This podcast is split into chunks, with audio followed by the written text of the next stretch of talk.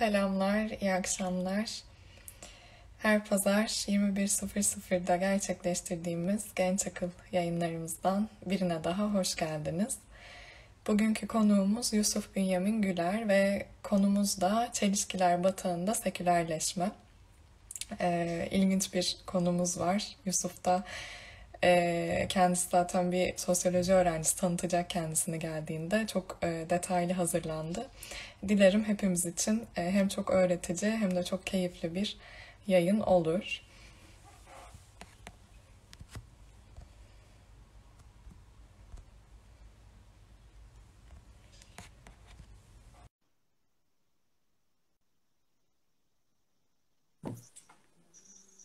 Selamun aleyküm. Selam, hoş geldin. Hoş bulduk Merve. Nasılsın? İyisin inşallah. Sağ ol, sen nasılsın? Hamdolsun ben de iyiyim. Çok Ee, teşekkür ederiz önce kendimi davetimizi tanıtarak kabul ettiğin başlamalıyım. için. Tabii ki, aynen. Önce seni tanıyalım, sonra konumuza Ben geçelim. ben teşekkür ederim bu kibar teklifiniz için. Ee, zaten adım yazıyor yukarıda, sol üstte. Adım Yusuf Bünyamin Güler. Ee, İstanbul Sosyoloji öğrencisiyim. İnşallah seneye bitiyor. Ee, sosyolojide özellikle din sosyolojisi ilgi alanım, alanım dahilinde. Bu alanda özellikle kendimi yetiştirmek istiyorum. Ee, ona dair okumalar yapıyorum. İnşallah e, Allah nasip ederse, ömür verirse, pişerse bize. e, bu alanda tezler vesaire yazmak ve ilerlemek istiyorum. Kendime ilgili bu kadar bahsedebilirim. İnşallah. E, Süper, süper. Çok memnun olduk. Ee, bugünkü konuğumuzu da, konu başlığımızı da sen seçtin. Çelişkiler Batağında Sekülerleşme. Akışı da sen belirledin aslında. Nasıl başlamak istersen, nasıl ilerlemek istersen o şekilde devam edebiliriz. eyvallah. E, doğrusu e, konu zor bir konu. E, başlık ondan da zor.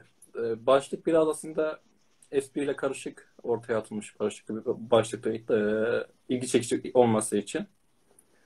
E, bakalım inşallah elimden geldiğince e, öz bir konuşmayla, sıkıcı olmadan, e, uzun konuşmadan, uzun cümleler kurmadan anlaşılır, anlaşılır olarak e, konumu anlatmaya çalışacağım inşallah. E, o zaman ben başlayayım izninizle.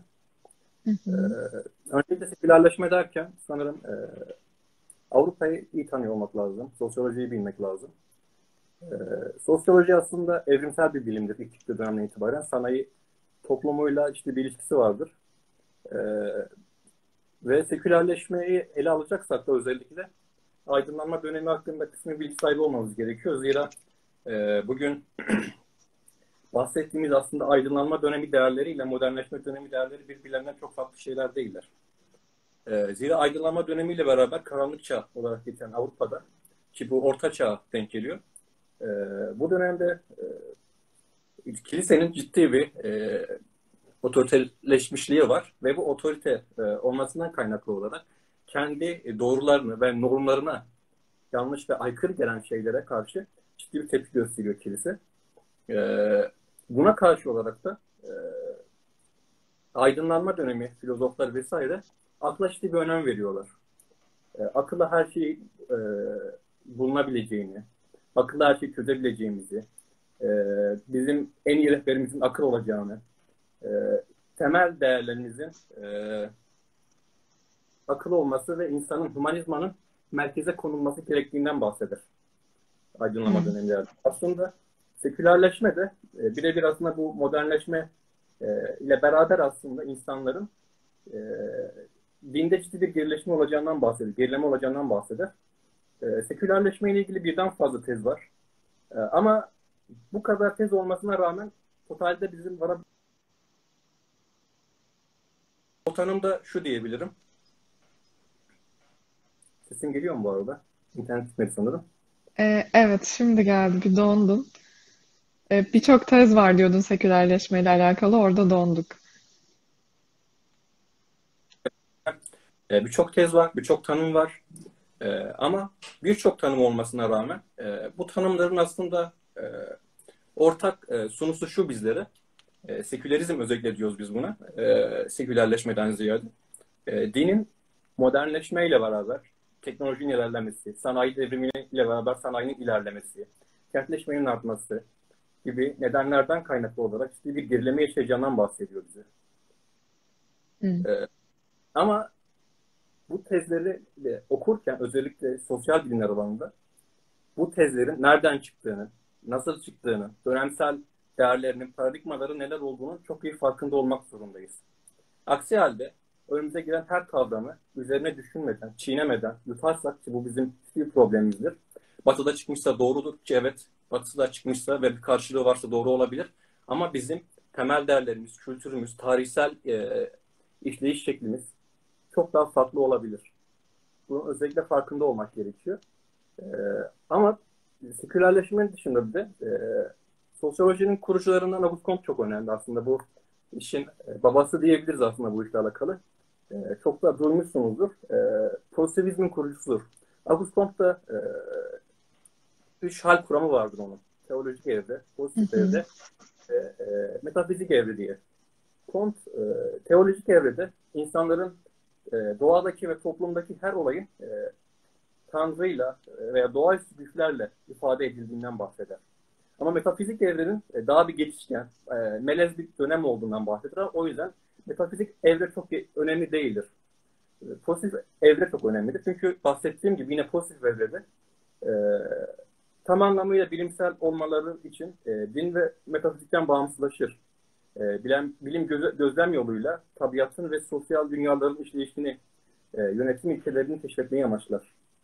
E, Comte'a göre din e, bilimsel ilerlemeyi tehdit etmekte ve sosyal yapıyı zayıflatmaktadır. İşte Comte'a göre. E, ve yine Comte'a göre şu an onun döneminde, bulunduğu, yaşadığı dönem içerisinde pozitif evreye girilmekte ve bu evrende, evrede e, insan ırkı yine merkezdedir. Ve e, bundan sonra artık sanayiciler ve bilim adamları e, işi alıp götürecek, savaşlardan uzaklaştıracak, teolojik evreyle beraber aslında din adamları ve e, askeriyenin gücünün artık azalacağı ve bundan kaynaklı olarak da e, savaşların olmayacağı bir dünya hayal ediyor Kont. Ama aslında hmm. gerçekler biz bu gerçeklerle nasıl yüzleşiyoruz? Birinci ve ikinci Dünya Savaşları sırasında e, hmm. savaşlar, tarihin en büyük savaşları bunlar. Ve bu savaşlar arasında Kont'un bahsettiği pozitif evreye denk geliyor. Aslında buradan baktığımız zaman e, mesela konuyu biraz başka bir yere bağlayayım. E, dinin olmadığı yerde insan hayatın aslında kıymeti de kalmıyor. Anlam kalmıyor. Bununla ilgili Berger'in kıymetli bir sözü var. Berger şöyle der. E, din, e, bilim size hayatın anlamını açıklayamaz. E, Volga nehrinde kurulmuş bir baraj size hayatın anlamı için herhangi bir şey söyleyemez. O orada vardır ve suyun işletim e, süreci sadece ilgilenir. Yani e, hayatta neden yaşadığınızı, ne yaptığınızı, neden inanmanız gerektiğini e, ve şu anki mevcut düzene neden uymanız gerektiğini e, e, kaos dediğimiz ortamından nasıl aşabileceğimizi bilemeyiz diye diyor din olmadan. Evet. Son olarak e, yine sekülerleşme ve sanayi toplumuyla devam edeyim ben. E, sanayi toplumunda özellikle e, ciddi bir üretim başlıyor. Önceki dönemlerde e, tarım toplumunda insanlar e, ev ve iş yeri bitişik alanlardaydı ve bu e, insanlara sadece ihtiyaçları kadar üretebilecekleri bir dünya yaratıyordu.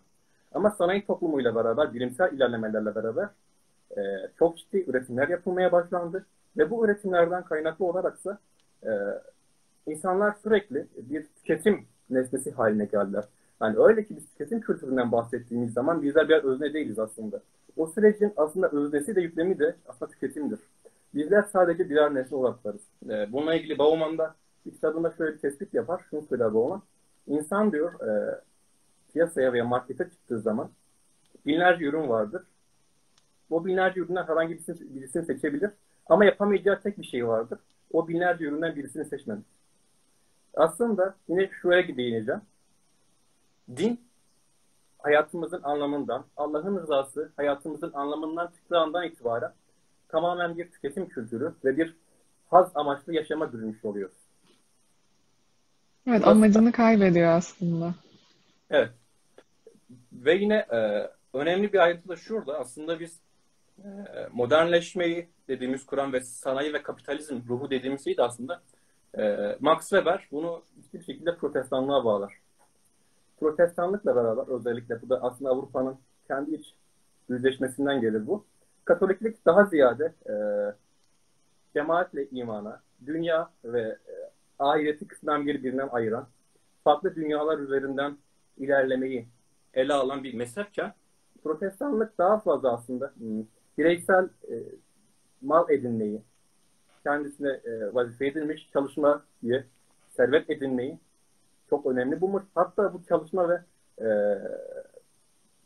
ve servet edinme durumunu Tanrı'nın bizler üzerindeki birer emri olarak sunar protestanlık.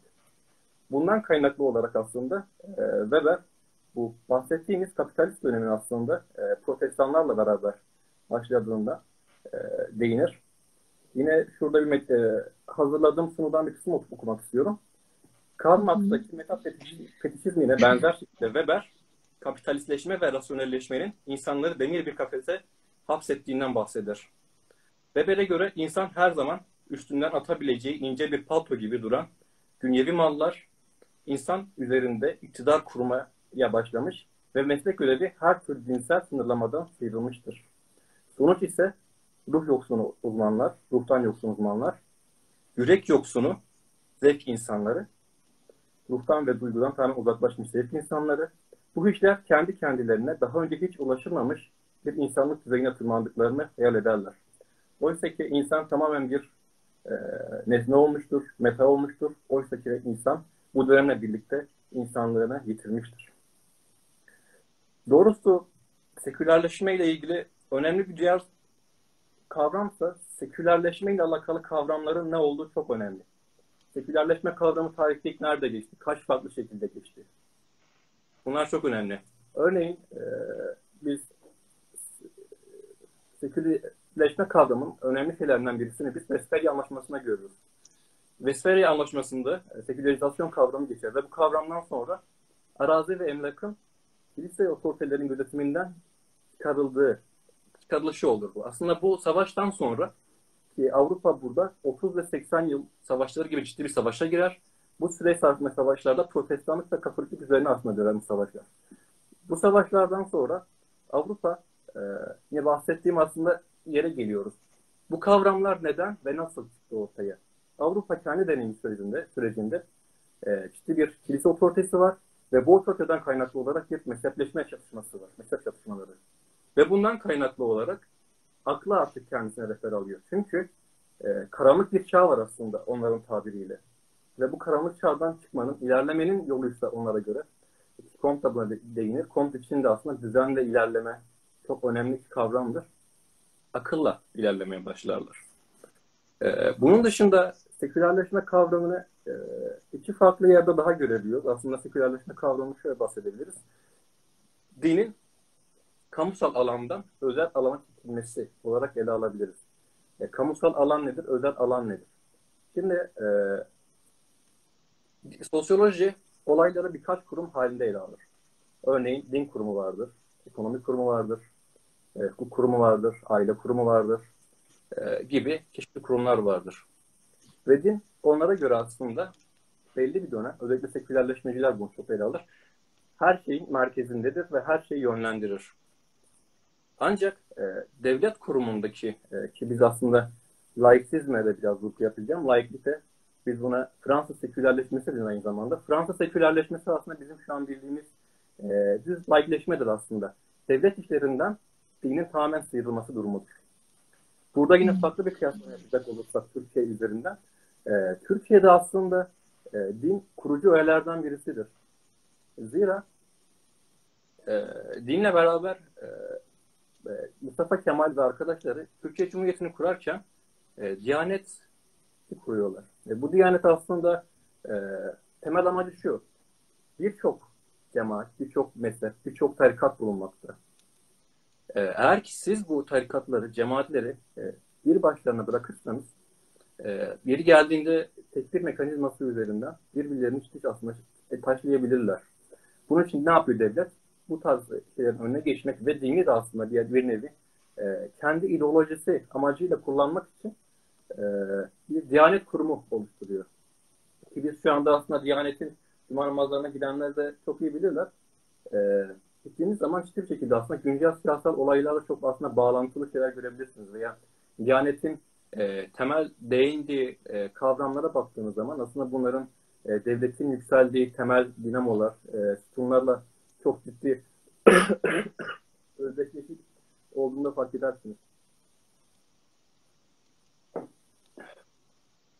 E, bunun dışında sekülerleşme kavramı bahsettiğim gibi üç farklı şeyde. Birisi dinin kamusal alandan özel alana geçişi. İkincisi e, dinin kısmen ittifak kaybetmesi.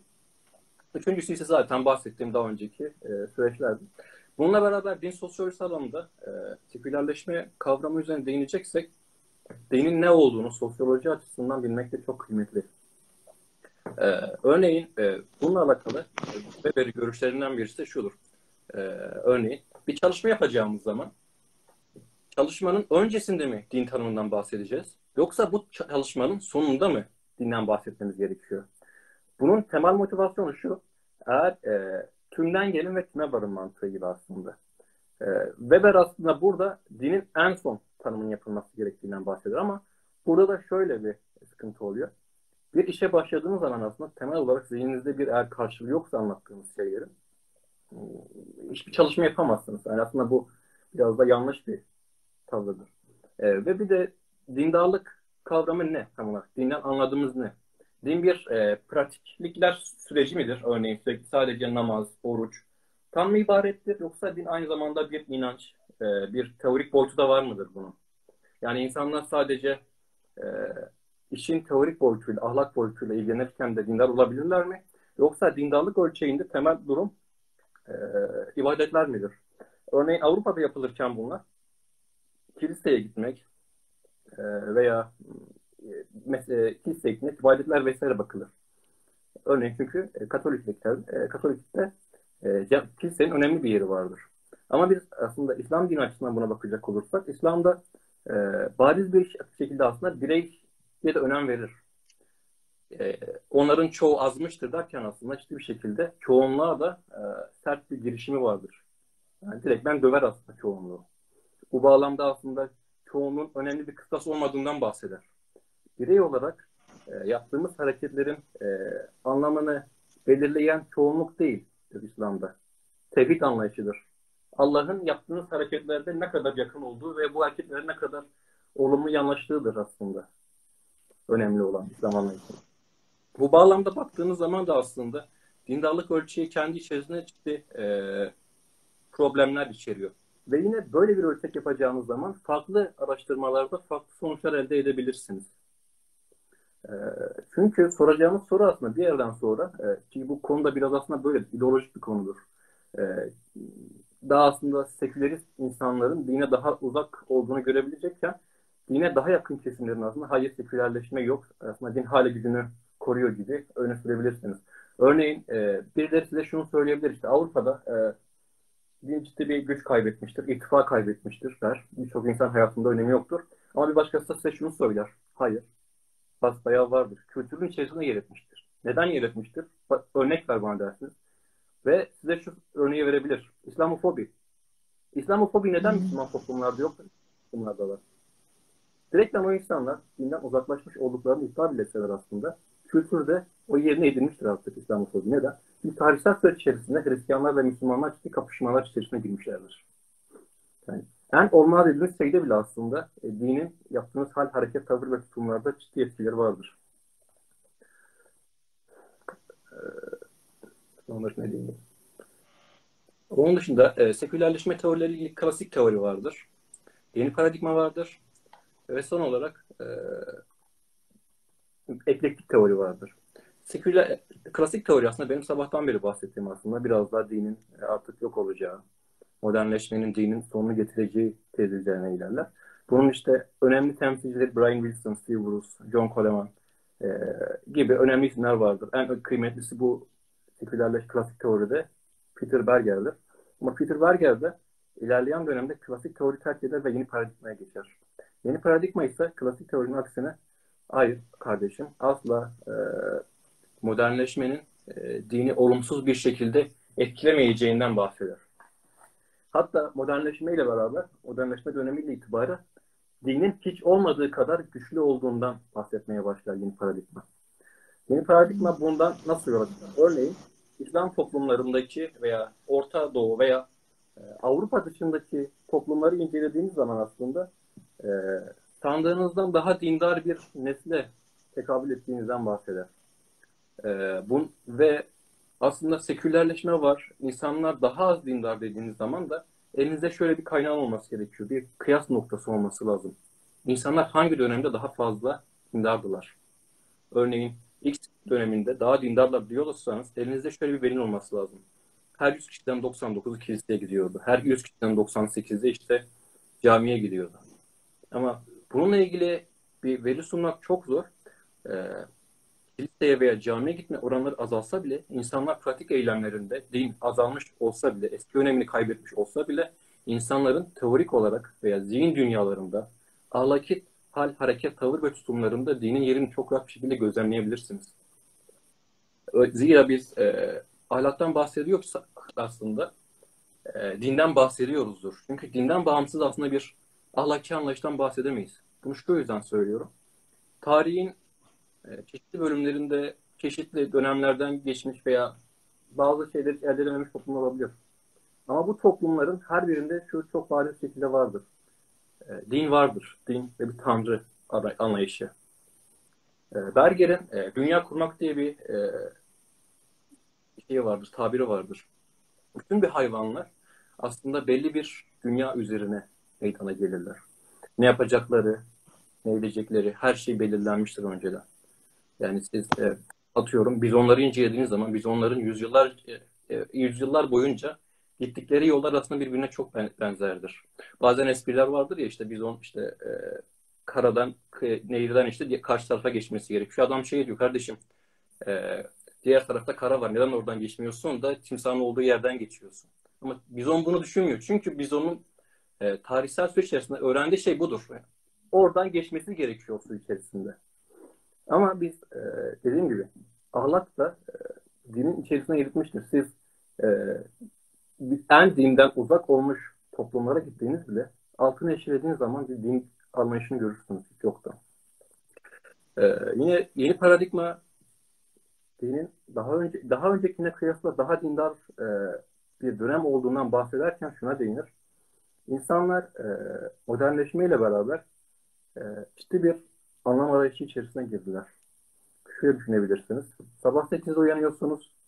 E, işin bittiği zaman akşam 5 eve geliyorsunuz. Belli bir rutin içerisinde çocukla ilgilen şuna bunu yap derken gün bitiyor. Ve bu bütün gün hayatınız boyunca devam ediyor.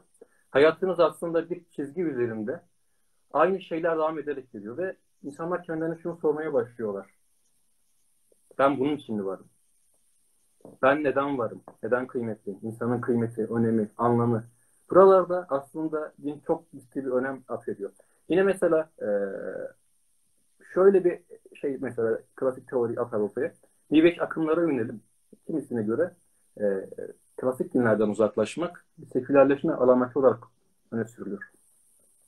Oysa ki yine e, sanırım Rodney Stark'ta Stark şöyle bir soru sorar. E, Kanada'daki bütün e, dindar Hristiyanlar bir anda Hindu olurlarsa bu onların sekülerleştikleri anlamına mı gelir? Yoksa bir dinden başka bir dine geçtikleri anlamına mı gelir? Aslında New Age akımlara yönelim de aslında klasik bir din anlayışından çıkmış olabilir. Daha mistik şeyler inanıyor olabilir. Bu burç da olabilir, başka bir şey de olabilir. Ee, belli bir arayış sonucunda hala bir şey inanma, bir kutsala, bir e, hücreli inanma durumudur aslında bir yerden sonra bu da. Ya da Türkiye üzerinden ele alacak olursanız Türkiye aslında temellerini gayet seküler bir devlet üzerinden ele e, kurmuştur. Ama e, baktığınız zaman Türkiye belli bir dönemden sonra özellikle siyasal İslam'a ciddi bir kayış sergilenmiştir. Ama bize şey ne söyler? E, klasik sekülerleşme. Belki hayır, modernleşme ilerledikçe e, insanlar daha da sekülerleşeceklerdir. Eğer bu bir modernleşme durumuysa Türkiye tarihi içerisinde bunu ele alacaksak eğer Türkiye tarihi bir modernleşememe teori, teorisi haline geliyor. Ee, öyle anlatayım. Örneğin Türkiye'deki başörtüsü durumundan bakalım. Türkiye'de belli bir dönem muhafazakarlara ciddi tepkiler gösterildi. Bu tepkinin sonucunda da Türkiye'de belki hiç kimsenin aklına gelmeyecek o dönemin koşullarında bir iktidar başa geldi. AK Parti ve bu siyasal İslam'ın aslında o dönemki e, ayağıydı. Yine bunun dışında Hindistan'ı ele alabiliriz. Hindistan seküler bir cumhuriyet, devlet olarak kurulmuştur. E, dine karşı bir düşmanlık yoktur. Ama Hindistan bütün dini cemaatlerin e, kendilerini evlerine rahat hissettiği bir devlet olarak ele alınıyor. Veya yine İslam dininin e, ilerleyen süreçte birçok insanın dikkatini çektiği bir din haline gelmesi. Budizm ve Hristiyanlıktaki ciddi gelişmeler olması, özellikle bu 1960'lar ve 2000'ler arasında çok hızlı bir şekilde sanayileşmiş e, milletler aynı süreçte giderek dindarlaşmışlardır. E, din etkileri sistematik olarak Çin'de de sürmektedir. Örneğin e, Çin halkının şu anda %31'i e, inançlı olduğu söylüyor. Ama Çin'in özelinde in, incelediğiniz zaman ise aslında Çin'in aslında olması gerekenden çok daha dindar olduğunu fark edersiniz. Veya siz Sovyet Rusya döneme baktığınız zaman komünizmle beraber aslında komünizm hiçbir şekilde dini baskılayan bir rejimdir. Ama e, Sovyet Rusya sonrasında e, onun çekilmesiyle beraber ondan çıkan devletlerde ciddi bir şekilde aslında dine yönelme olduğunu da görüyorsunuz. Veya Latin Amerika'da Pento şey, her neyse bir e, protestan mezhebinin de yine işte kadınların önemine değinmekte. Ve değinmekte fayda vardır ve bu modern dünyada en hızlı gelişen mezheplerden birisi. E, bu mezhebe giren insanlar artık e, sigara, fuhuş gibi şeylere izin vermiyorlar. Erkekler bu dinde hem de kilisede e, hem de evde sorumluluklarını yerine getiriyorlar. Yani olay çok daha farklı. Veya yine e, şunu anlayamaz mı? An, anlamadıkta kül çekiyorlar ve soru işareti yaratıyor kimi e, klasik sekülerleşme teorisini savunanlara da. Fundamentalist yani aşırı gruplarda, aşırı dini gruplarda ki yönelimin nedeni nedir? Neden böyle bir yönelim vardır? Ee, bununla ilgili Berger şunu söylüyor. Ee, çünkü din tarihsel bir olgudur diyor. Bu bakış açısını e, gündeme getirdiği için Bergen şunu soruyor en son sorunca sor, e, tarihsel bir olgu, olgu dedikten sonra. Amerika'da diyor seküler eğilimli diyor. Chicago Üniversitesi'nin varlığı İran'ın Kum şehrindeki medreselerin varlığından daha ilginç bir konu olmalıdır. Çünkü din her zaman var olan bir olguyken dinin olmayacağı bir iddia ise sadece ideolojik bir yaklaşımdır. Sadece dine antipatik bir yaklaşımın bir sonucu olduğundan bahsediyor Erger burada.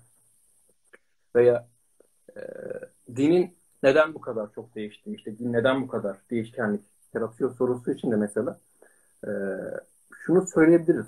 E, sosyolojik olarak e, dinin değişken olarak kabul etmekte birçok neden vardır. Çünkü din düşünsel bir sistemdir. Maddi kültürle, sosyal yapıyla, diğer kültürel sistemlerle ve bireysel kişiliklerle sürekli ilişki içindedir. Bundan kaynaklı olarak süreç değiştikçe din de farklı şeylere farklı tepkiler verebilir. Daha önce doğru bilinen bir şey, şeylerin e, tamamen doğru olduğunu iddia edemeyiz. Çünkü bazı şeylerin daha iyi anlaşılabilmesi için daha iyi sorular gerekir. Yanlış soru, yanlış soru tabiri vardır bilirsiniz. Ee, buradan yola çıkarsak ha, gerçekten e, bazı bildiğimiz doğruların aslında yanlış e, yanlış bir sorunun cevabı olabileceğini de düşünürsek aslında oraya çok daha iyi varabiliriz. Veya Türkiye üzerine inceleyecek olursak belli siyasi, e, belli dini ekollerin e, güç kaybederken bir kısmının güç kazandığını görüyoruz. Örneğin bunun için söyleyebiliriz. Ehl-i sünnet dediğimiz ekol biraz daha güç kaybederken daha akıllı ekoller daha fazla güç kazanıyor. Aslında bu da şuradan kaynaklanıyor. Modernleşmenin temel düsturlarından birisi de rasyonalizm ve akılcılıktır. İnandığınız ve savunmaya değer gördüğünüz şeylerin rasyonellik, akılcılık ve sorgulama üçlüsünden sağ çıkması gerekiyor. Eğer ki inandığınız değerler rasyonellik e, ve eleştirilikten sağ çıkamıyorsa bu değerler inanmaya değer değerler değildir. Bundan kaynaklı olaraksa örneğin e, İslam'da ve geçmişte aslında çok daha güçlü olan Mutezile ekolüne daha yakın ekollerin günümüzde daha e, dinç olduğunu görebiliyoruz. Ve bu ekolün daha fazla güç kazandığını görebiliyoruz. Bunun aslında temel nedeni budur. Çünkü daha önceki süreçte sadece manevi bir iman ve e,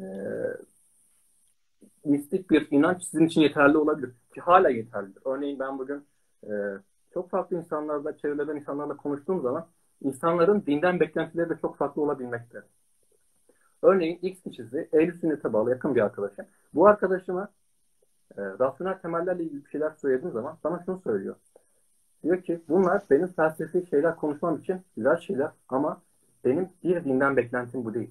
Çünkü onun dinden beklentisi daha manevi şeyler. Namaz, ibadet veya rasyonel daha temel değerleri e, oluşturan bir din algısı için belki de e, dogmatik diyebileceğimiz şeyler onun için gayet güzel şeyler. Çünkü ki bu da olabilir. Tanrı her şeyi yapmaya gücü yetendir. Onun inancında inan, inandığı için bu daha değerlidir. E, veya bir tasavvuf e, öğretisi veya New Age akımlardan bahsediyor. New Age akımlar aslında belki de e, tasavvufla çok ilişkilidir aslında bunlar. E, ve din de aslında bir nevi bir pazarlık alanıdır, bir pazarlama dünyasıdır, bir pazar yeridir. Din aslında günümüzde e, kendisini iyi de pazarlar. Yani şöyle atıyorum, bahsettiğim gibi örneğin İslam üzerinden inceleyelim. E, tasavvuf hareketleri var, tarikatlar var. E, ehl sünnet dediğimiz bir ayrım var. Ve diyelim ki ne olsun bir de ehl Kur'an diyelim.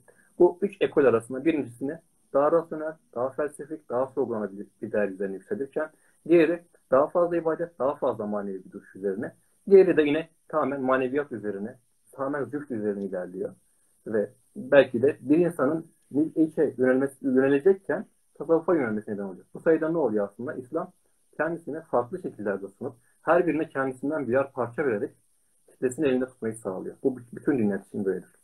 Dinler e, çünkü insanlar yaklaşımlarına göre dinlerden farklı parçalar koparıp bunları pazarlayabilirler. Ki bu din açısından herhangi bir problem değildir.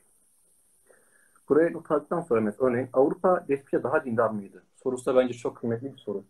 Örneğin bununla ilgili Murray Dominion e, tarikatının önde gelenlerinden Romalı Humbert'ın e, Vaizlerin Eğitimi isimli kitabında keşişlerin tavsiyeleri, kişilerin tavsiyelerde bulunurken insanlara ancak pazar yerlerinde, e, şenliklerde ve gemilerde ulaşabileceklerini temizlediğini hatırlatır. E, keşişler insanları sadece şenliklerde, gemilerde e, bulabileceklerini bahsediyor. Demek ki insanlar e, kiliselerde değiller zaten. Avrupa aslında sandığımız kadar dindar bir dönem asla geçirmedi. Bundan bahsediyor. Yine örneğin e, 1410 yılında yazılmış bir kitapta şundan bahsediyor. Bugünlerde insanlar Tanrı'nın sevdiğini duymaya pek istekli değiller. Ve bu sevgilerim şu an 1410 yılında yazılmış bir kitaptan bahsediyorum. Kiliseye gelmek zorunda olduklarında e, geç gelip erken ayrılıyorlar. İnsanlar kiliseye değil meyhaneye gitmeyi tercih ediyorlar. Bu bilgiyi destekleyen bir diğer veri de Avrupa'nın çeşitli bölgelerinde bugüne kadar ayakta kalan mahalle kiliselerinde e, mahalle nüfusuna kıyaslandığında çok az kişi aslında kapsayacak kiliselerin bulunması. Her ki sekülerleşme ile ilgili temel bir soru veya merkez olarak Avrupa'ya alacaktır. Zaten Avrupa sandığımız kadar hiçbir zaman e, dindar olmadı. E, ama bununla alakalı İslam'la ilgili, İslam bölgeleri alakalı ciddi aslında e, olaylar görebiliyoruz. Farklı tepkiler görebiliyoruz. E, az önce bahsettiğim gibi. Örneğin Türkiye içerisinde siyasal İslam'ın bir anda yükselmesi gibi. Veya e, Endonezya gibi yerlerde e, daha İslam'ın güçlenmesi konuda. Veya e, Mısır'daki örneğin İhvan-ı Müslümin hareketi. İran'daki e, e, şeriat devrimi gibi. Bunlar önemlidir. Örneğin son olarak bir de eklektik paradigmadan bahsetmiştim. E, eklektik paradigma ise işte din e, din ve modernizm, modernleşme birbirlerini karşılıklı olarak etkilemiştir. Bundan bahseder. Bununla ilgili e, Oswald'ın şöyle bir eseri var. E, Seküler Çan Kuleleri diye bir eseri bulunmakta. Bu şurada oradan şunu bahsediyor. Özetle Çan Kuleleri var olmaya devam etmiştir. Ama artık farklı bir forma sahiptir bunlar. E, bu üç paradigmadan özellikle önemsediğim şey şu. E, bir konu üzerinde konuşacaksak ve ele alıyorsak bunların bizdeki karşılığı tam olarak ne? E, veya bu şey için ne kadar inanabiliriz? Bunu kıyaslamak gerekiyor. Bizim değerlerimizle ne kadar ölçüşüyor? Bence bunlar çok çok kıymetli. Yine işte bir de Türkiye'de sekülerleşmeyi şimdi ayrı başlık olarak ele almak istiyorum inşallah. Ee, Türkiye'de devlet kilise ya da devlet dini otorite arasında çatışma tarihsel olarak bir baskın olmamıştır. Ee, bu coğrafyada modernleşme pratikleri açısından farklılaş, farklılaşıyor. İşte bahsettiğim gibi sabahtan beri. Batı Avrupa'daki örneklerin aksine din, e, Türkiye'de ulus devletin kurucu üyesi olarak ulus kimliğin bir parçası haline gelmiştir. Diyanet İşleri Başkanlığı gibi kurumlar devletin dini kontrol etmesini sağlamıştır. E, onun dışında Türkiye'de örneğin e, sivil toplum kuruluşları üzerinden bakacaksak İslami eğilimleri olan sivil kuruluşlar, kurul, e, kuruluşların aslında 2009 yılında kurulmuş örneğin e, Deniz Feneri Derneği'nin e, 165 bin kişiye 38 milyon liralık e, bir destek olduğunu, verdiğini görüyoruz. Ama aynı dernek, İslami hassasiyeti olan bu dernek, nakli proje yaparken 2018 yılında 83-84 milyona yakın lira topluyor. Yani şundan bahsediyorum. İslami sivil toplum kuruluşları da bu süreç zarfında hiç zaman güç kaybetmediler. Daha da güçlenerek devam ettiler aslında. Din ve eğitim üzerine bakacaksak aslında yine dini eğitim veren e, imam hatiplerin e, gücünün hala gittikçe arttığına örneğin %8 olan, e, %7 olan imam hatip e, okuyan öğrenci sayısı oranı şu anda %11'leri bulmakta. Veya ekonominin üzerine bakacaksak Türkiye'de e, faizsiz bankacılık üzerine işleyen e, katılım bankaları vardır. Bunlar Albaraka, Kuveyt Türkiye bankalar. Bu bankaların e, fon payları gün geçtikçe büyümekte. Yüzde üçlerden, beşlerden şu an yüzde yediye kadar yaklaştı. Veya dil hukuk üzerine ilerleyeceksek Türkçe üzerinde e, 2017 yılında müftülüklere e, ve müftü yardımcılarına evlendirme ile ilgili yetkiler verildi. E, din e, kentleşme bakacaksak örneğin şundan bahsedilir. Kentleşme arttıkça insanların daha da az dindarlaşacağından bahsedilir. Çünkü bireyselleşme ister istemez cemaatlerden kopma yaratır. Ee, bundan kaynaklı olarak da insanlar din hayatından uzaklaşır gibi söylüyor. Ama Konda'nın 2013 yılında yaptığı bir araştırmaya göre kırda yaşayanların bir ayda tuttukları ortalama oruç sayısı 22 iken kentte yaşayanlar 20 gün tutuyorlar. Aslında çok kopuk bir e, veri yok. E, veya yine Konda şöyle bir araştırma yapıyor ve burçlara inanan e, seküler kesim denilen insanlarda aslında burçlara inanç da çok fazla çıkıyor. Gayet e, muhafazakar kesim dediğimiz gibi. E, bundan bahsedebilirim. Daha sonra İslam sekülerleşmenin imkanından bahsedeceksek eğer e, İslam'da negatif anlamda bir e, dünya hayatı algısı yoktur aslında. İslam genel olarak e, dünya hayatını e, aslında Tanrı'ya ulaşmak için bir olarak görür. E, bir hadis sanırım. dünya ahiretin tarlasıdır. Ee, tar, ta, ürünü iyi olmayanın mahsulü de iyi olmaz. Sonuçta biz ürünü dünyada atıyoruz ve mahsulünü de öbür dünyada alıyoruz bir yerden sonra. Ee, bununla ilgili e, hayat el dünya tabiri var Kur'an'da. Kur'an'daki Arapça e, dünya kelimesi dena olarak geçer. Daha farklı geçiyor olabilir. Ben Arapça bilmediğim için sadece araştırmayı e, ele alıyorum. Kur'an'da dünya ve tabi, tabiattaki her şey Allah'ın bir ayeti yani delil işareti olduğunda olduğu vurgulanır. Bu durumda dünyaya yakınlaştıran her şey sizi tabiata ve tabiat sizi Allah'a yakınlaştırır.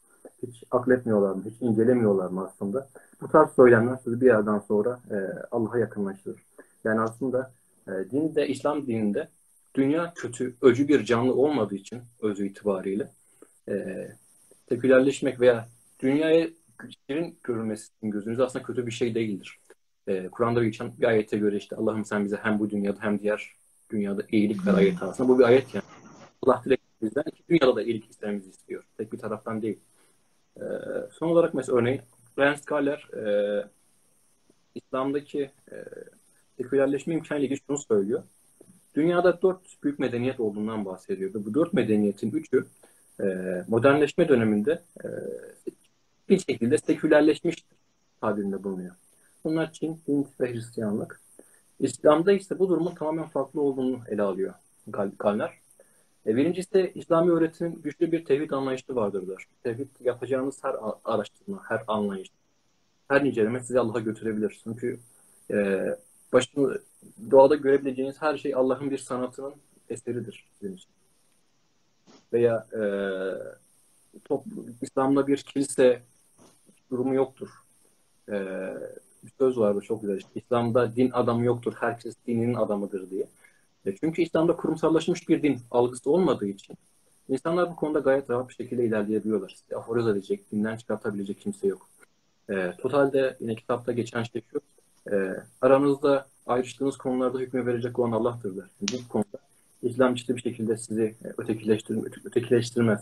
Yine İslam'da dediğim gibi ruhban sınıfı yoktur.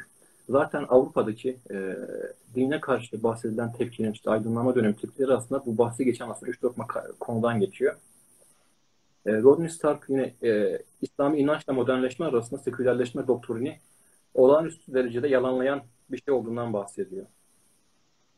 E, Peter Berge detaylı bir şekilde değerlendirirken şunu söylüyor. İslami hareket kendilerini ilerici olarak tanımlayan entelektüellerin hala iddia ettikleri gibi kesinlikle daha az modern olmuş veya gerici olarak nitelendirilebilecek bir toplum peşinde değildir. Hatta aksine bu hareket modernleşme şehirlerde daha güçlüdür diye devam ediyor.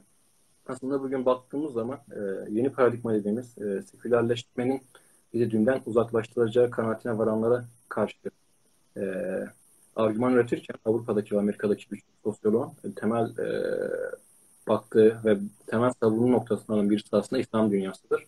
E, bir de sekülerleşme kavramı Avrupa'da çıktığı için Avrupa merkezli bir anlayıştır. E, dinin güç kaybetmesi de aslında Hristiyanlıkla ilgilidir ama daha çok onlar bu işi e, evrenselleştirmeye çalışmıyorlar e, diyebilirim. Sanırım anlatacak bir şeyim kalmadı aslında. Çok şey vardı. Çok şey unutmuş da olabilirim. Ağzına sağlık. Çok gayet güzeldi. Ben seni dinlerken notlar da aldım. Ee, ben de çok kısa istersen onu okuyayım. Hem bir böyle toparlama gibi olur. Sonra da yavaş yavaş şöyle yapabiliriz. Hatta yorumları da açayım belki bize katkıda bulunmak isteyen veya soru sormak isteyen olursa. Ee, sen konuşurken şunları yazdım. Ee, öncelikle şey, e, Comte'un bir e, sözünden bahsettik. Din biterse savaş biter diyor diyormuş yani. E, Tamam. fakat bunun aslında tam tersi olduğunu e, yani insanların dini kaybettiklerinde aslında tutunabilecekleri herhangi bir ahlaki dayanakları olmadığı için çok daha rahat bir başkasına zarar verebilme güdüsüne girdiğini söyledik. Anlam arayışı bir kere koyuk oluyor. Ben sanırım orayı tamamlamadım biraz da. Ee, insan e, dünyasız geliyor ve dünya kurarken, temel e, kültür ve toplumsal dünya kurarken böyle bir tehlikeyle karşılaşıyor. Ben bu dünyaya neden uymak zorundayım? Ölüm var. Ölüm aslında kaos için ciddi bir nedendir. Ve bu kaostan çıkmanın en büyük nedeni, e, en, en iyi nasıl çıkabilirsiniz? Dinle çıkarsınız. Din çünkü size öbür dünyada hayattan hayattan bahseder. Aslında ölmeyeceğinizi, e, diğer tarafta yaşamın olduğundan bahseder. Bununla beraber e, din size e, yaşadığınız bütün acıların dahi daha çekilebilir kılabilir aslında din size bunu. Örneğin e, bir yerde birisinin işkence etmiş ol, edildiğini düşünüyor. Bu insanın aslında şunu işkencenin bitmesini ister ama en çok şunu öğrenmek ister. Bana neden bunu yapıyorsun? Aslında yaşadığımız her kötü şeye rağmen e, din bizlere ayakta kalma gücü sağlar, anlam sağlar.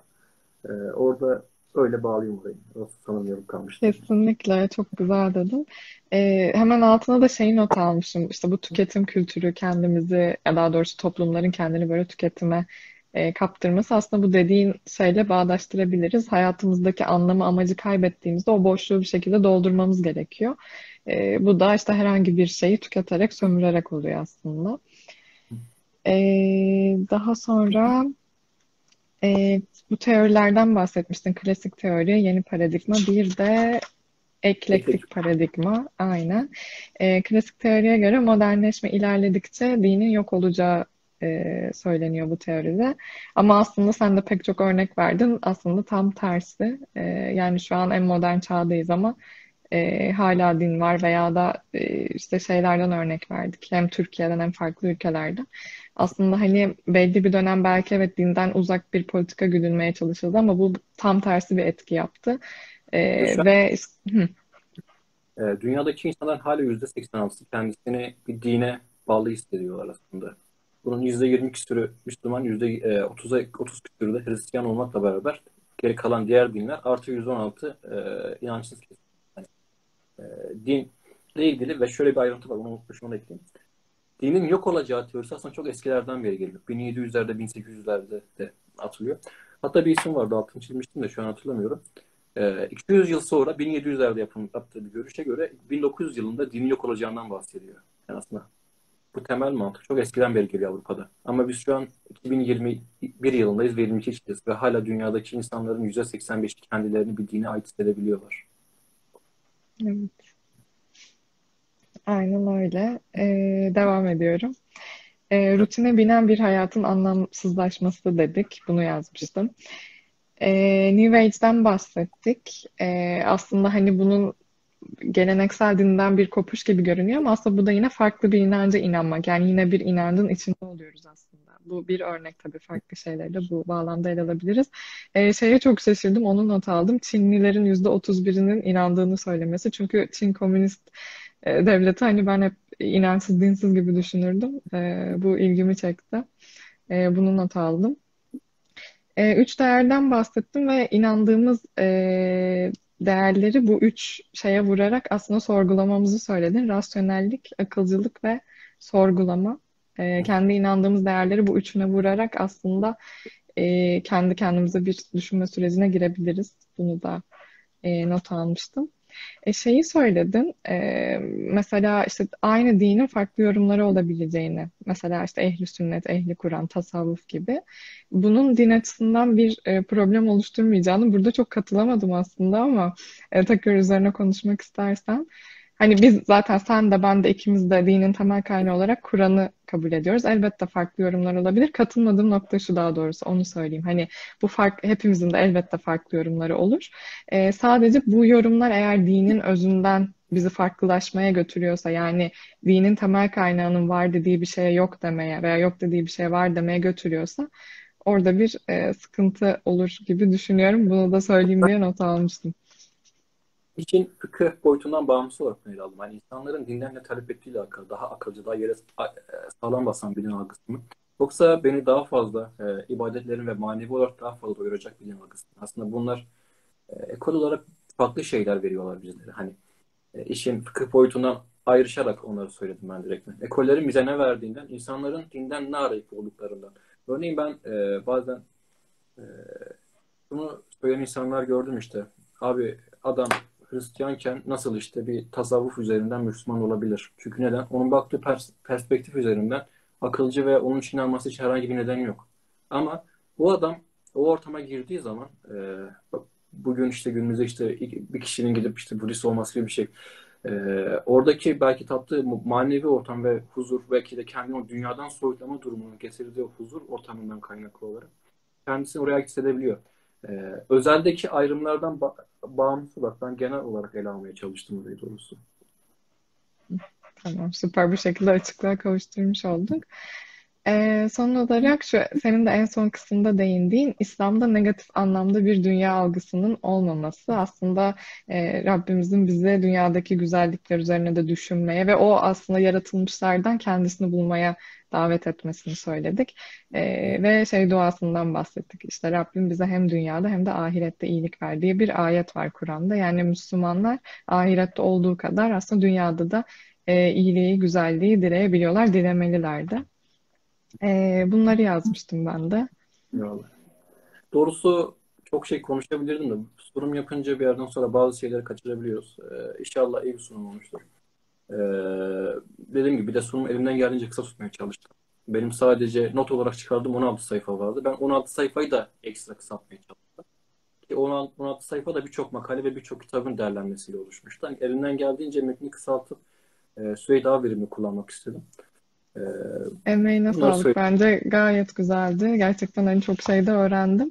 Ee, şunu sorayım, eğer bizi dinleyenlerden senin notlarına ulaşmak isteyenler olursa e, sana bu adresten mi ulaşsınlar, paylaşım yapabilir misin? Ben direkt ben hesaba yollayayım. Ee, isteyen olursa Genç Akıl üzerinden onlara PDF falan tamam. yollarsınız yani. Tamam, tamamdır o zaman. Ee, tekrar çok teşekkür ederiz. Ben teşekkür ederim. Ee, Gör davet ettiğiniz için teşekkür ederim. Biz çok teşekkür ederiz. Görüşmek üzere. İyi akşamlar.